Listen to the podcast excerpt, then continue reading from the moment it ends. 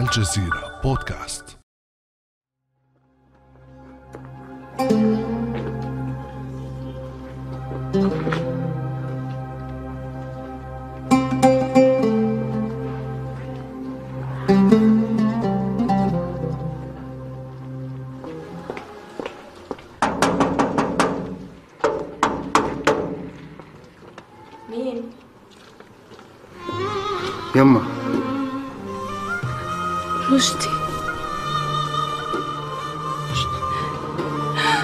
يما. يما يا حبيبي يما. أجابت من طرف الباب من الطارق حين لم تعرف ابنها بعد سنوات من الضياع تبعة النكبة قبل أن تلملم الغربة شملهم بعيدا عن الوطن. هكذا قالت التغريبة الفلسطينية. لكن المغتربين ما يزالون خارج حدود بلادهم بلا هوية فيما يزداد المشهد تعقيدا للفلسطينيين المقيمين داخل الوطن وعائلاتهم في جزء آخر من الوطن بالداخل المحتل أو في الخارج لا يستطيعون الالتقاء بهم.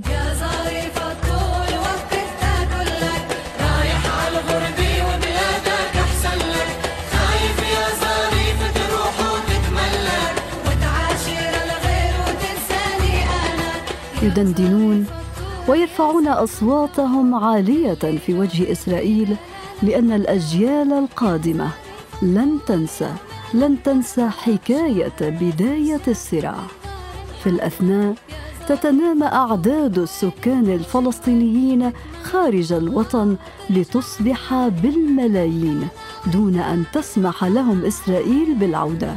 وحتى من دخل بتصريح مؤقت أو سياحي يعتبره الاحتلال مقيما غير شرعي أو متسللا. هكذا تضيق الأرض على أصحابها بما رحبت.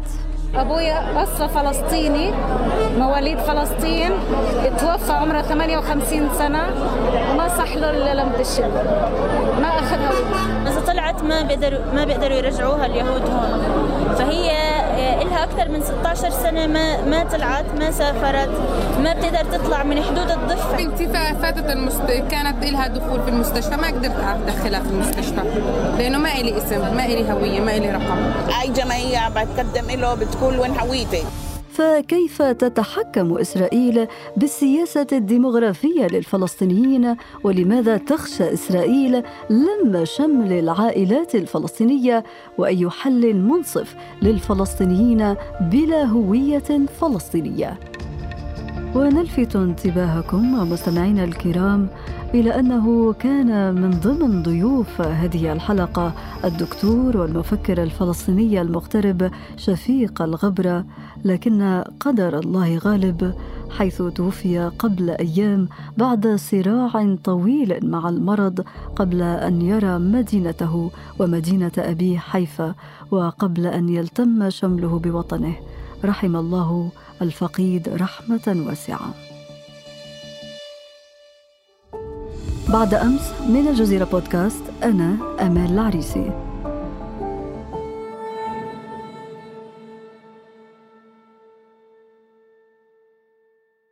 وينضم إلينا في هذه الحلقة المهندس هشام أبو محفوظ نائب الأمين العام للمؤتمر الشعبي لفلسطينية الخارج.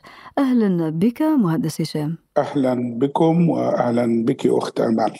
بداية أتقدم بالعزاء لعائلة الدكتور شفيق الغبرة وهو يعني مناضل ومجاهد فلسطيني افتقدناه قبل أيام نسأل الله سبحانه وتعالى له الرحمة والمغفرة. رحم الله دكتور شفيق الغبرة وهو تحدث كثيرا عن لم شمل الفلسطينيين وفي هذه الحلقة سنتحدث عن حكاية لم الشمل كيف بدأت مهندس هشام؟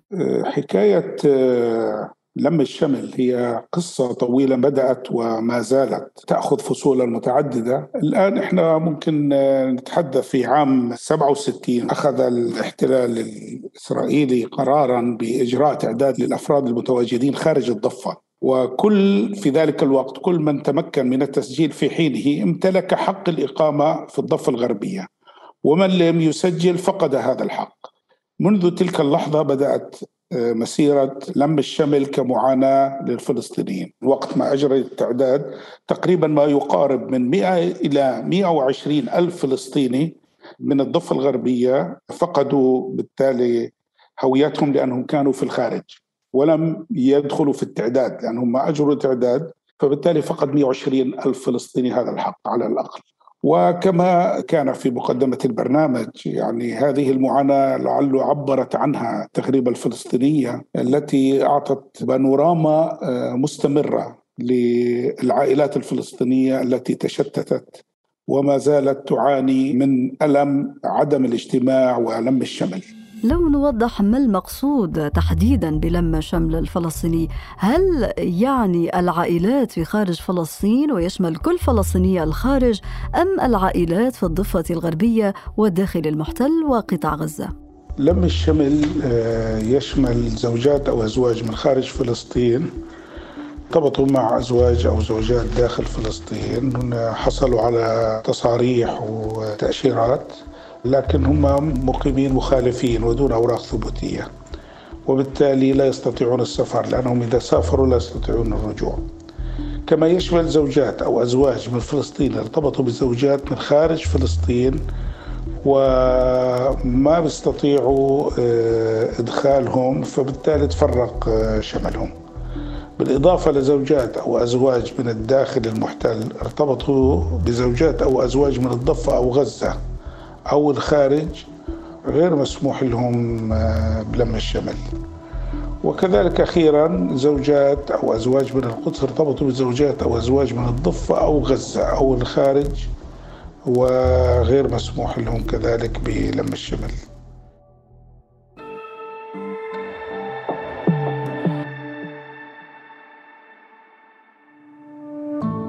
ابقى على تواصل مستمر مع الجزيرة بودكاست ولا تنسى تفعيل زر الاشتراك الموجود على تطبيقك لتصلك الحلقة يومياً.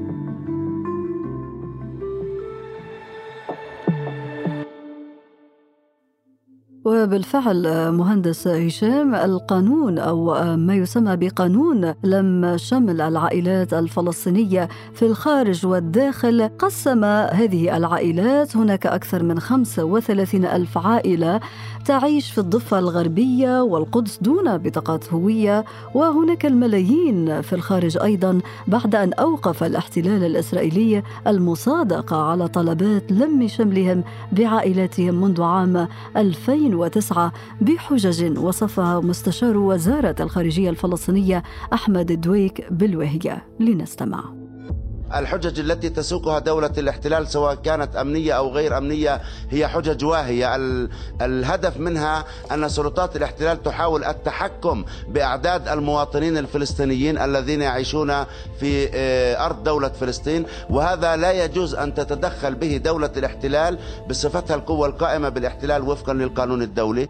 تحدث أحمد الدويك مستشار وزارة الخارجية الفلسطينية عن تحكم إسرائيل في الفلسطينيين في الديموغرافيا الفلسطينية. وبالتالي يا مهندس هشام كيف يتم هذا التحكم؟ بمعنى آخر كيف تمنع إسرائيل الفلسطينيين من منحهم الهوية الفلسطينية؟ لم الشمل الفلسطيني عنوان بالنسبة للعدو الصهيوني والاحتلال يستخدمه من أجل شكل جديد من تهجير الفلسطينيين الذي بدأ في الثمانية واربعين فهو عندما يبدأ الفلسطيني سواء يريد أن يلم عائلته كزوجة أو أولاد أو بنات يقف هنا حاجز موضوع لم الشمل والقوانين حتى لا ينضم باقي العائلة إلى الفلسطيني الموجود سواء في الضفة أو القدس أو غزة. وهذا يخدم أنه الزيادة العددية تبقى متحكم فيها من قبل العدو الصهيوني. وبالتالي ديموغرافيا هو حريص جدا على عدم يعني وضع أي آه، إجراءات تؤدي إلى آه، أن يكون هناك آه، زيادة أو حضور للفلسطينيين عدديا داخل فلسطين. وكذلك هو حريص على أن لا يكون هناك استقرار عند الفلسطيني فيصبح دائما في معاناة كما يعني نعرف أن الفلسطيني يبقى مشغول تمر عليه بعضهم يمر عليه أو الزوج أو الزوجة يمر عليها داخل فلسطين في الضفة الغربية أو غزة 14 أو 13 سنة لا يستطيع أن يخرج ليرى أهله في الأردن أو حيثما وجدوا من أجل أن لا يفقد الهوية. بالتأكيد هو معادله الاحتلال هي إيقاف أي زيادة في عدد الفلسطينيين داخل فلسطين ثم وضع الفلسطينيين في حالة من المعاناة الدائمة وعدم الاستقرار. يعني مهندس هشام هذا القانون قانون لم الشمل ما هي الإشكاليات التي يتضمنها؟ خاصة وأنه يتم تجديده كل سنة وفي العام الحالي فشل الكنيست الإسرائيلي في تمديده. صدر طبعا قانون في عام 2003 في ذروة الانتفاضة اللي بموجبه تم تجميد منح الجنسية والإقامة الإسرائيلية إن صح التعبير للفلسطينيين سكان الضفة وغزة وهو ما يعرف في ذلك الوقت بلم شمل الأسرة.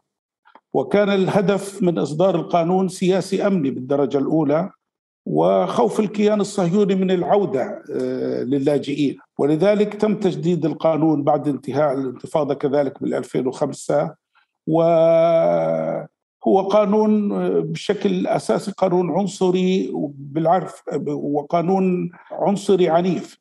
اللي جرى أنه في 2021 كما ذكرت فشلت الحكومة الإسرائيلية نتيجة الخلافات اللي بين حزب المعارضة والداخل الكنيسة في من أجل الانتخابات.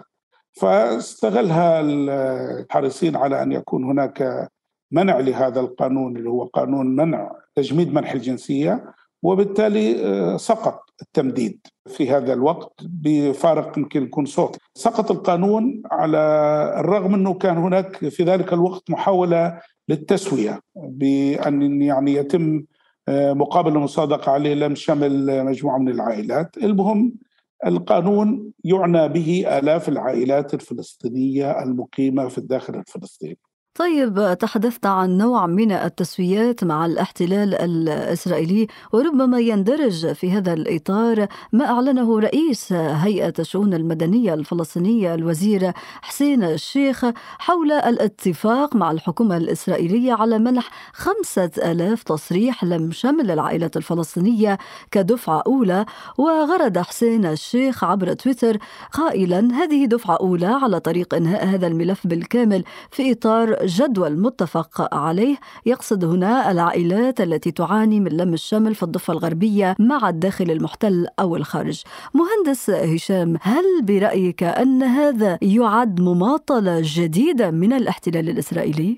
لا المماطلة آه، مستمرة طوال الوقت وتم إيقاف هذا بعد اتفاق أوسلو تم موافقة إسرائيل في ذلك الوقت على لم شمل آلاف العائلات الفلسطينية لكن عادت وأوقفته عام 2009 منذ ذلك العام الآن ما يقارب 12 سنة والموضوع آه، واقف ولنشعر كم يعني لنعرف مدى المعاناة التي يعانيها الفلسطينيون. الآن آه، بهيئة الشؤون المدنية الفلسطينية جاري من خلال آه، ما أعلنته أنه في مرحلة أولى لتسوية أوضاع المواطنين سواء من تزوج أو تزوجت بالفلسطيني الذين دخلوا فلسطين بموجب تصريح زيارة أو تأشيرة بتمكينهم من الحصول على الهوية. المع... هذا هؤلاء أصلا موجودين ويعانون منذ ذلك الوقت. الآن التصريح أن هؤلاء سوف يتم منح 5000 تصريح. هذا طبعا آه، أي خطوة للم شمل العائلات الكل يكون يعني سعيد فيها وفرح. وهذا هو اللي وصل له الاحتلال إنه يعتبر إنجاز لما بعد 12 سنة نيجي ونعطي 5000 عائلة فلسطينية لم شمل. بشعر إن طبعا هو انسانيا إنجاز كبير للعائلات لكن هو حقيقه في دوامة يدخل في دوامة عمل المراوغة هي بالفعل عملية مراوغة من الاحتلال كما ذكرت مهندس هشام وربما أيضا تحت عناوين حلول مؤقتة لتفادي تفجر الأوضاع في الضفة الغربية وغيرها من المناطق. وبالتالي هناك سؤال يطرح مهندس هشام حول الربط بين ملف لم الشمل وقضية حق العودة بالنسبة للفلسطينيين. هل الملفين مرتبطين ببعضهم بعضهما؟ بالتأكيد الارتباط ملف آه، لم الشمل والعقبات والقوانين التي يصدرها الاحتلال الصهيوني هي أصلا تصب في برنامج عدم العودة وموضوع نزع هذا الحق للفلسطينيين، ونحن في فلسطينيين الخارج من آه، العنوان الرئيسي هو عودة الفلسطينيين إلى أراضيهم وأهلهم. نحن لا نتكلم عن أن القوانين نريد أن نعيد آه، من ينطبق عليهم القوانين في لم الشمل، وإنما اللم الشمل الحقيقي هو بعودة كل الفلسطينيين. وإنما هذه القوانين هي لا شكل من أشكال الفصل العنصري والأبرتايد الصهيوني أما وهي ملف حقوقي ينتهي بزوال الاحتلال لأنه إحنا نطالب بعودة كامل الفلسطينيين وعدم التعامل بهذه الطريقة اللا إنسانية بهذه الطريقة العنصرية بهذه الطريقة التي تخالف كل القوانين اللا انسانيه التي تكفل عودة العائلات ولم شمل العائلات حيثما كان. في الختام مهندس هشام برأيك ما هي الخطوات اللازمة إما على المستوى الرسمي أو الشعبي الفلسطيني لتثبيت هذا الحق الحق الفلسطيني في العودة إلى أرضه سواء بلم الشمل أو بحق العودة؟ بالتأكيد نحن أي خطوات للم شمل العائلات الفلسطينية يعني نعززها لأنها عمليا تحقق الجانب الإنساني الذي هو حق بشري لأي عائلة سواء كان أب أو أم أو أخت أو زوجة أو زوج أو ابن أو بنت. فبالتالي هذا الحق نحن معه لكن الأكبر من ذلك والأهم هو أن يكون هناك حق لعودة كامل الفلسطينيين، نحن نتكلم في خارج فلسطين عما يزيد عن سبعة مليون فلسطيني وفي إحصائيات كثيرة تتكلم الآن بمراجعات أعداد الفلسطينيين أنهم يزيدون في خارج فلسطين عن 8 مليون فلسطيني.